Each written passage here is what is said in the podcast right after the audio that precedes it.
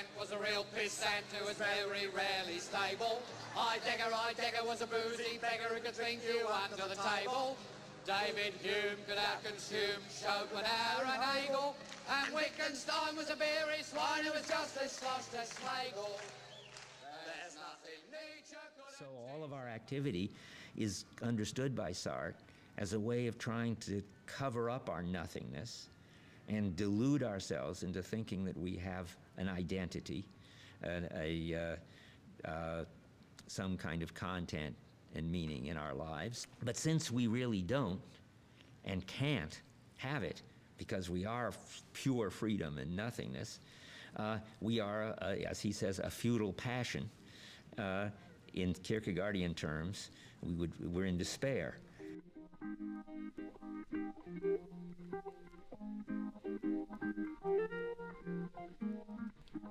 Leven met vergeefse passie of zelfs in wanhoop.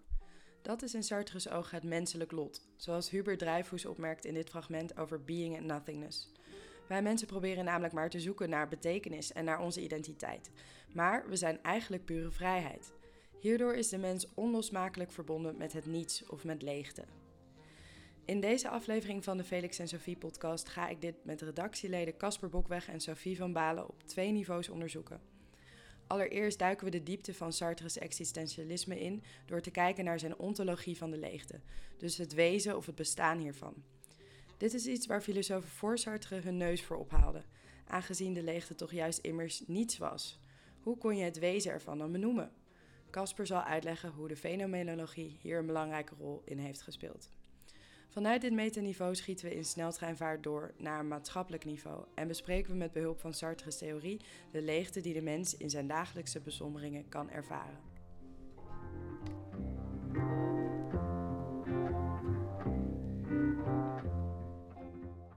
Voor mij was een aanleiding ook om deze avond te organiseren, juist omdat ik er heel erg mee bezig ben wat betekent. Ehm, zowel leegte als datgene wat tegenover drukte of volheid staat, als ook leegte als een soort echt gevoel van ehm, ja, bijna een gat, zeg maar. Ehm, en ik ken eigenlijk, of ik kende deze denkers nog heel weinig en ik vond het heel spannend om erachter te komen hoe, de- hoe je daar meer theoretisch ook naar kan kijken. Ik herken de, de verwijzing van het gat wel. Eh, Het gat voelen. Misschien is dat wel een ding van filosofen, weet ik niet. ja. ja, en soms kan het natuurlijk ook wel, als je het op alledaags vlak bekijkt, ook wel door de drukte heen schijnen. Bijvoorbeeld als je begint te vervelen, kun je duizend dingen moeten doen. Maar die zijn allemaal zo monotoon of zo met elkaar vergelijkbaar dat het, al je bezigheden doorzichtig worden en daarachter het gapende gat van waarom doe ik dit in vredesnaam Ja, eh opdoemt. Met de vraag van wat moet ik met mezelf aan enzovoort. Ja. Die hebben we natuurlijk allemaal wel. Ehm, moet ik dan toch yoga gaan doen? ja, precies. ja, ja. Moet, ik, moet, ik me, moet ik me laten dopen bij de katholieken? Ja. Ehm eh, kortom, het gevoel dat, je, dat, het, dat, dat, dat wat je doet, of de manier waarop je leven hebt ingericht, niet meer voor zichzelf spreekt. Ja. Dat het compleet contingent is. Hm. Ja. Ehm, ja.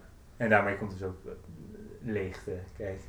Nou ja, uit jullie verhaal blijkt denk ik ook wel meer een maatschappelijk idee van leegte. Ik associeer het zelf denk ik ook veel met depressie en Mhm. met zinloosheid. Mhm. Dat, dat kwam ook in jouw verhaal net wel naar voren. En dat zijn dingen die mensen denk ik graag uit de weg gaan. Ja. Ehm, hoe wordt er op een maatschappelijk niveau mee omgegaan? Wat zijn manieren waardoor, waarop die leegte ingebed wordt in de maatschappij? Ja, ik denk dat één heel duidelijke, die ook best wel aan het vakgebied van de filosofie raakt, is natuurlijk dat ehm, we zijn zo geseculariseerd of eh, allemaal eh, niet meer religieus, of steeds meer niet meer religieus aan het worden, eh, dat je ziet dat mensen toch op een gegeven moment zoeken naar een plek waar ze een bepaalde richting kunnen vinden of een zingeving of wat dan ook. Ik denk het, het eh, succes van zo'n plek als de School of Life laat ook heel goed zien dat mensen daar echt naar op zoek gaan. Eh, en ik denk niet dat dat per se is waarmee we dan zijn we eigenlijk op zoek naar een vervanging voor de kerk. Terwijl ik weet niet of dat nou de oplossing is. Nee. Mhm.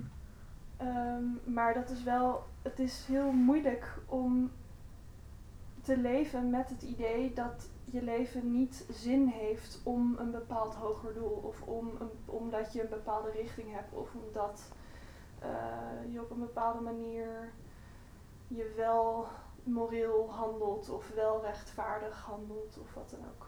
Ja. En ook weer niet moeilijk, toch? Meestal heb je geen last van. Meestal heb je, nou ja, ja, je kan je schuldig voelen. Dan heb je er last van. Ja, dat is waar. Ja. Maar eigenlijk als je, als je op je vingers natelt, zijn de ervaringen of de botsingen die je hebt met echt essentiële leegte. Ik bedoel, iedereen accepteert wel dat we allemaal dwalende individuen zijn. Maar die ervaringen waarin je dat beseft, waarin je dat tot je doordringt, waarin je dat voelt, zijn wel zeldzaam. Ja. ja, zeldzaam en heel raar. Omdat het echt moeilijk is om erbij te komen wat dat betekent. Of wat Ja. dat is, überhaupt. Ja. Ja, wat voor plek je eraan moet geven. misschien. Ja. Is wel, dit is wel een goede dan om ehm, een van de sprekers, of een van de sprekers, een van de thema's van de avond eh, erbij te halen. Ja. En de haren bij te sturen. De, eh, een deel van de avond gaat over Jean-Paul Sartre, de beroemde Franse existentialist, vooral beroemd na de oorlog. Samen met Simone de Beauvoir met kooltrui en eh, sigaretten, of sorry, blauw rokend eh, op de boulevard de Montparnasse. Maar ook een eh, eh, eh, heel, heel beroemde schrijver en een, eh, en eh, niet eh, onverdienstelijk filosoof natuurlijk. Ehm, en hij heeft zo'n ervaring van zinloosheid heeft hij uitgewerkt in, eh, in, in, in, eh, een roman van hem, Le Nausée, Nausea of Dwalging in het Nederlands. Ehm, heel kort over de roman zelf. Dat gaat over iemand die, eh, die eh, in Le Havre, dus die Franse havenstad, eh ronddolt. De stad wordt overigens niet bij naam genoemd, maar goed. Ehm, en eigenlijk niet echt op een normale manier verbindingen met zijn omgeving kan maken. Iemand die vereenzaamd is, zou je kunnen zeggen. En hij werkt de hele dag aan een historische studie die hem ook niet echt aangaat. Kortom, iemand die dolt. En er is een scène in het boek dat hij in het park gaat zitten. eh, en op een bankje gaat zitten. En daar de wortels van een kastanjeboom gewaar wordt. En daar op dat moment beseft hij als het ware wat, ehm, wat bestaan inhoudt. Of wat, wat zijn bestaan inhoudt en wat het bestaan überhaupt inhoudt. En dan zegt hij, hoe lang bleef ik zo zitten in de band van wat ik zag? Ik was de wortel van de kastanjeboom. Of liever gezegd, ik was alleen nog maar bewustzijn van zijn bestaan. Nog stond ik er los van, ik was me immers van bewust. En toch was ik opgegaan in de wortel. Ik was alleen nog wortel. Een bewustzijn vol onzekerheid, toch met zijn volle gewicht in wankel evenwicht aanleunde tegen het dode stuk hout. Dus daar zitten twee dingen in. Enerzijds de psychologische kant die we net al zeiden, dus in wankel evenwicht. Ja, Hij wordt totaal uit evenwicht gebracht. Hij, eh, compleet in de war. ja, en het is een soort van onpersoonlijk bijna, die ervaring. Je ziet zichzelf iets onpersoonlijk. En hij zegt de hele rare zin van, ik was die wortel, ik was. Eh, als, eh, ik, ik was er bewust van. Dus ik was het in zekere zin ook weer niet. Maar ik was het wel. Ik was niets anders dan mijn aanwezigheid bij die wortel. Ehm, en dat is een zinnetje waar Sartre eigenlijk zijn eigen filosofie leuk, leuk zijn eigen roman in.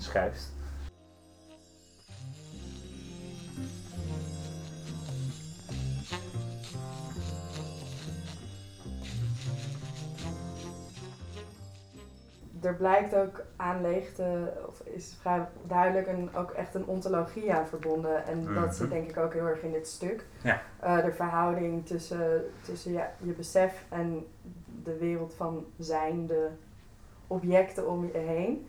Hoe verhoudt die ontologie zich tot leegte? Mhm. Je kan zeker zin zeggen dat Sartre de grondintuïtie van de fenomenologie dramatiseert. Hij maakt er een soort vloek van. En daaruit komt zijn idee van leegte. Nou, de grondintuïtie van de fenomenologie is intentionaliteit. Dus Ja. dat het bewustzijn altijd ergens bij is, er, ergens bewust van is. Eh, en dat is altijd nog iets fundamenteler dan dat lijkt als je het één keer zegt. Je hebt bijvoorbeeld een quote van een dichter Pessoa, die ik altijd heel verhelderend vind. Eh, en die schrijft: Onze ideeën, gevoelens en daden zijn allemaal onbewust. Niet omdat het bewustzijn eraan ontbreekt, maar omdat ze geen dubbel bewustzijn hebben. Dat is een heel fenomenologisch versje van hem. Ehm, omdat wat intentionaliteit laat zien, is dat wij, als wij iets denken, denken wij de gedachte. Als wij iets doen, handelen wij de handeling. Als wij het voelen, voelen wij het gevoel. Maar de vraag is dan, als we de gedachte denken, denken we ook dat we de gedachte denken. Als wij handelen, handelen of staan we stil bij het feit dat we de handeling handelen. Mhm. Dus er moet als het ware een laag bovenop. En dat is wat de fenomenologie probeert te ontsluiten. Dus die probeert als het ware te laten zien, het bewustzijn is altijd elders. Maar wat betekent dat dan? Wat voor structuur heeft dat dan? Ja. Die- Sartre dramatiseert dat, die, dat simpele grondgegeven. Die zegt, de mens bevindt zich altijd ergens in de wereld. Het voor zich zijn, zoals hij de mens noemt, bevindt zich altijd ergens bij het op zich zijn. Eh, en is dus nooit bij zichzelf. Hij is altijd de tegenwoordigheid bij iets. Ehm, Want op zich zijn is dan wat de objecten als het Ja. ware doen. Ja, en voor Sartre is zelfs de ander in sommige situaties, dus jij en ik, eh, eh, het Ja. op zich zijn. En zelfs je lichaam is tot op zekere hoogte, een moeilijk punt, het op zich zijn. Maar dat is allemaal hoe het zich verhoudt tot het subject dat je Ja, zelf bent. Ja, precies. Ja. En dat subject eh, definieert Sartre eigenlijk door te zeggen dat het op zichzelf niets is. Want subject is alleen iets in zoverre het tegenwoordig is bij iets anders. En dat is Dus het is alleen een voor zich Ja. zijn. Ja, precies, precies. Eh, in het Engels wordt vertaald met het for itself, maar dat klopt eigenlijk al niet, want het is geen it. Eh, alleen het in itself. Dus het pour soi, het uh, Sartre's woord, eh, klopt wat dat betreft.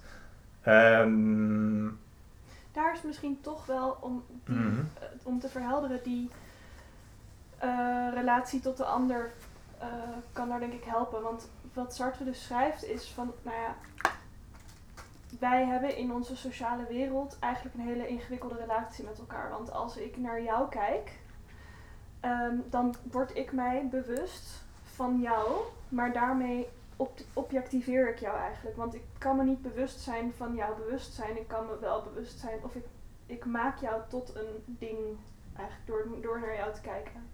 En andersom gebeurt hetzelfde. Maar dus zijn we de hele tijd in strijd met wie is er nou meester. het su- eh, subject in de relatie, wie is er meester in de relatie en wie eh, wordt daar wordt eigenlijk door die blik eh, tot een object gemaakt en dus tot een op zich. Ja. Enerzijds zijn we bewust van onze omgeving, maar anderzijds hangt daar de hele tijd een bewustzijn boven. Sartre noemt dat de spanning tussen de transcendentie enerzijds, dus de, het bewustzijn van het bewustzijn, en de facticiteit, dus het bewustzijn van waar je je bevindt in de wereld, of wat je denkt, of wat je fantaseert, eh, anderzijds. Ja. En die lost nooit op. En wij willen graag dat die oplost. Wij willen graag dat tot een totaliteit of een identiteit Dat smeden. het samenvalt. Ja, Ja. maar dat lukt nooit, omdat dat in onze structuur zit, eh, eh, geweven als het ware. ja. En als wij dat doen alsof, alsof we wel met onszelf samenvallen, zijn we te kwader trouw in zijn. Ik vind dat het existentialisme wordt vaak ook visueel weer, weergegeven als eh, met pijlen, omdat je dus een soort gerichtheid bent. En dat is het enige wat je bent, omdat je dus niet een, een iets bent. Eh, maar je bent dus bij wijze van alleen maar die pijl die gericht is op de boomwortel waarvan je je op dat moment bewust bent. En meer dan dat is er dan dus ook niet. Dus het gaat eigenlijk heel erg over verhoudingen en niet over, over essenties van Precies. wezens. Ja, zoals Sartre zegt, eh, een beroemdste zin, denk ik, zijn beroemdste uitspraak, existentie gaat vooraf aan essentie. Dus Ja. eh, je, je naakte existeren, je bewustzijn van, je voor zich zijn, eh, is altijd dieper, is altijd meer dan alles wat je doet. Ja. Alles wat je tot nu toe hebt gedaan en alles wat je zal doen. Ehm, en die dualiteit eh, is ook zijn aanleiding voor hem om een soort ontologie van het zijn en het niets te ontwikkelen eh, in zijn beroemde hoofdwerk. En heel kort komt hij erop neer, want daarover uitweiden wordt een heel lange exercitie. Ehm daar komt hij erop neer, dus dat, dat in, in, in de afstand als het ware, hoewel het geen ruimtelijke afstand is, maar het is een afstand tussen je bewustzijn van je bewustzijn, eh, zit een gat. En dat is het niets, want het niets dat breekt de volheid van je eigen zijn op. Eh, en dat is dus ook, daardoor maak je ook mogelijk dat je op bepaalde momenten, Sartre heeft een heel beroemd voorbeeld, dat je in een café zit te wachten op iemand die komt. Eh, maar diegene komt niet. Of nee, sterker nog, hij zegt, je hebt met een café iemand afgesproken en je komt het café binnen en je ziet het meteen, hij is er niet. Mm. Ehm, maar de hele ruimte verschijnt dan als een soort ongedifferentieerde waas, want je bent alleen maar aan het zoeken naar diegene. Uh, nou, daar is meer aan de hand volgens hem dan alleen maar dat je verwachtingspatroon een beetje de ruimte aanvoert. Hij zegt, diegene is aanwezig in zijn afwezigheid. Tot op zekere hoogte is het niets daar een onderdeel van ervaring. Niet als een objectief feit, niet als een. Ehm, Namelijk het niets als de afwezigheid van die persoon. Ja, precies, precies. Ja, uh, dus het is fenomenologisch aanwezig zou je kunnen zeggen, omdat je bewustzijn, dat zaklampje, gericht is op niets. Ja. En in zoverre is het niets dus een object van onze ervaring.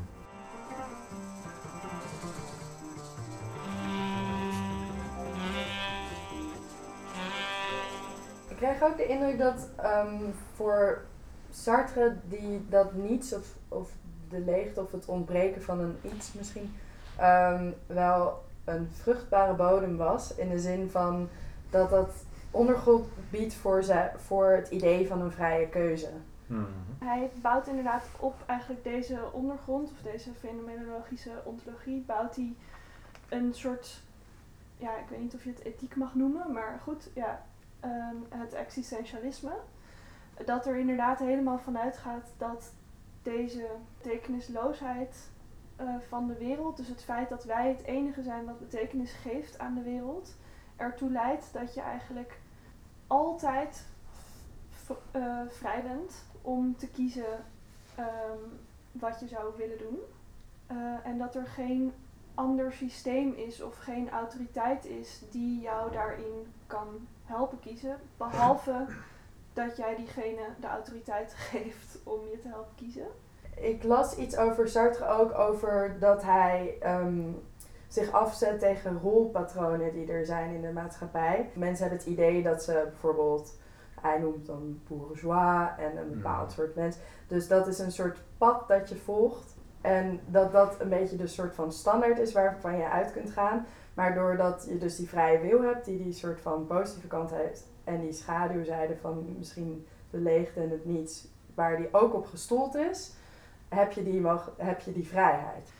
Hij zit net anders in zoverre dat die, precies die rolpatronen, dat is eigenlijk ehm, Sartre ziet dat gebeuren. Uh, dat wij samen proberen te vallen met een identiteit of met een bepaalde rol. Of toch proberen onszelf eigenlijk tot een soort essentie te, te definiëren. Zo van, nou ja, dit ben ik dus.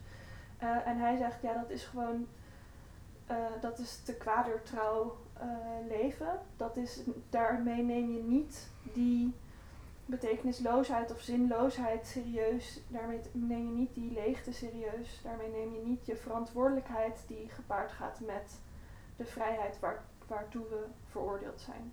Dus die, wat dat betreft is het minder een keuze dan dat jij hem nu schetst, omdat het dus toch wel echt fout is om samen te vallen met je rol.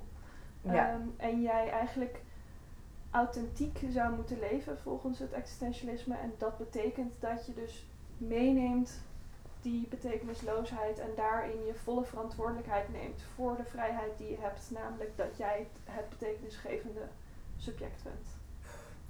Maar heel zwaar. Zo. Ja. Ja. ja. En nu kiezen. Dat is geen makkie. Waar ik straks heen ga. Ja, nee. Ja. Maar het is echt. Hij, hij zegt dus zelfs alle dingen die waarvan je denkt die liggen vast in mijn leven.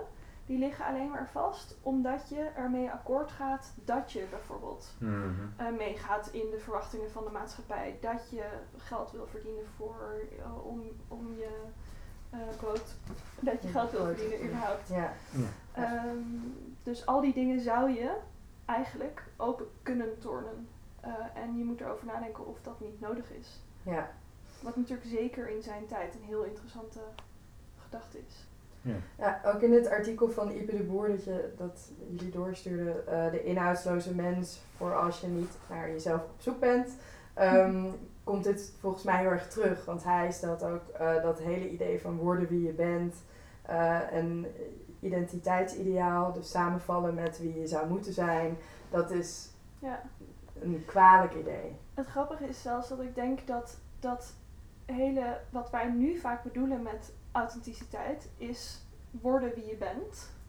Zo begrijpen we het in ieder geval vaak. En dat is denk ik kan ik me ergens voorstellen, een soort verkeerde overlevering geweest vanuit dit existentiële denken. Ja. Dus het is juist, je ziet ook vaak hè, iemand die echt authentiek is, ja, die, die, weet ik veel, die kleedt zich echt anders, maar het is ook al best wel een persona geworden. Dus je moet dan een soort persona worden dat dan een authentiek persona is, terwijl dat is nou precies niet wat Sartre bedoelde.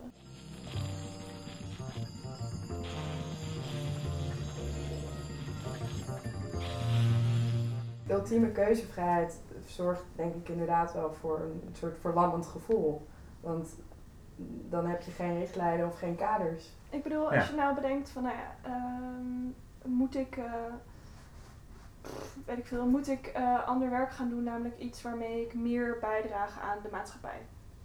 Ehm, nou, je kan daar van alles Bak. over zeggen, over ehm, je achtergrond en wat je tot nu toe hebt gedaan en wat mensen van je verwachten en in hoeverre je ook daadwerkelijk iets kan bijdragen aan de maatschappij en et cetera. Maar als je al die dingen eigenlijk weer wegstreept, omdat het gewoon een contingente. Ja, omdat het een vrije keuze wordt. Je hebt ook bepaalde grond nodig om op te staan voordat je überhaupt naar links of naar rechts Ja, gaat die- kijken. hebt die, eh, dus ik hou weer die Oostenrijker, dat is Robert Municio aan, die zegt, eh, de mens kan alleen vrij zijn in een dwangbuis. Ehm, Ja, nee, ja, ja. Ja, de, de, de- de- hij, heeft, hij heeft een punt op zeker hoogte, omdat je.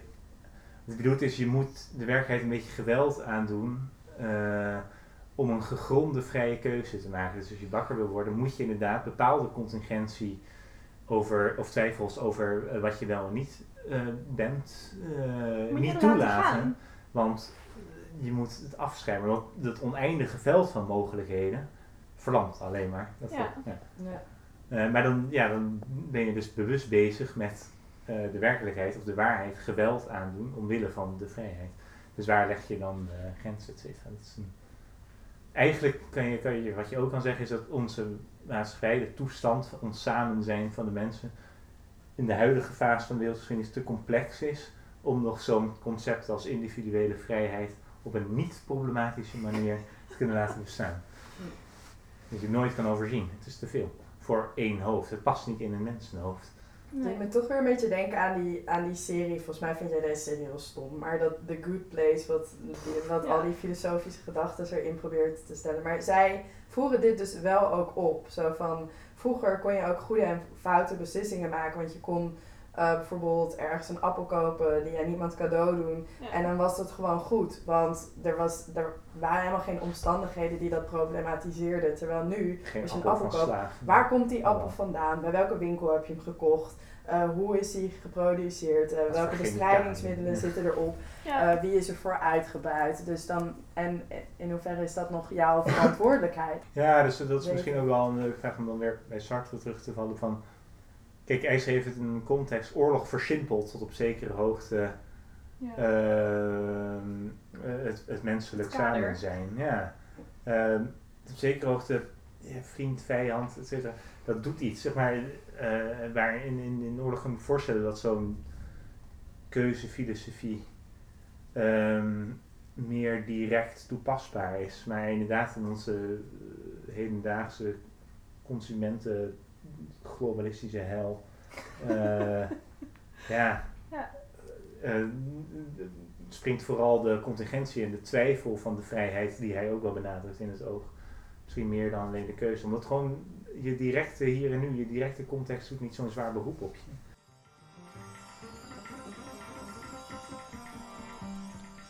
Vanuit Sartre's weinig lichtvoetige kijk op menselijke verantwoordelijkheid lijkt keuzestress anno 2019 opeens een heel logisch en valide verschijnsel. Op de avond zelf, Leven in de Leegte, op dinsdag 19 februari, wordt zijn visie van leegte afgezet tegen die van Giorgio Agamben. Door Agamben-kenner en promovendus Ipe de Boer en hoogleraar met een specialisatie in Franse filosofie Ruud Welte. Heb je zin om ter voorbereiding of gewoon uit interesse ook wat meer te horen over Agambens potentiebegrip? Scroll dan even terug naar aflevering 6 van de Felix en Sophie podcast genaamd Agamben pure potentie. En denk je, god ja, Sartre heeft gelijk, dat identiteitsideaal is een van de grootste problemen van deze tijd. Wellicht is Donna Haraway dan wel iets voor je, die besproken wordt in aflevering 11 en in de eerste terugluisteraflevering. Hopelijk zien we je op dinsdag de 19e om verder te praten over de leegte in Perdu. Tot Tot dan!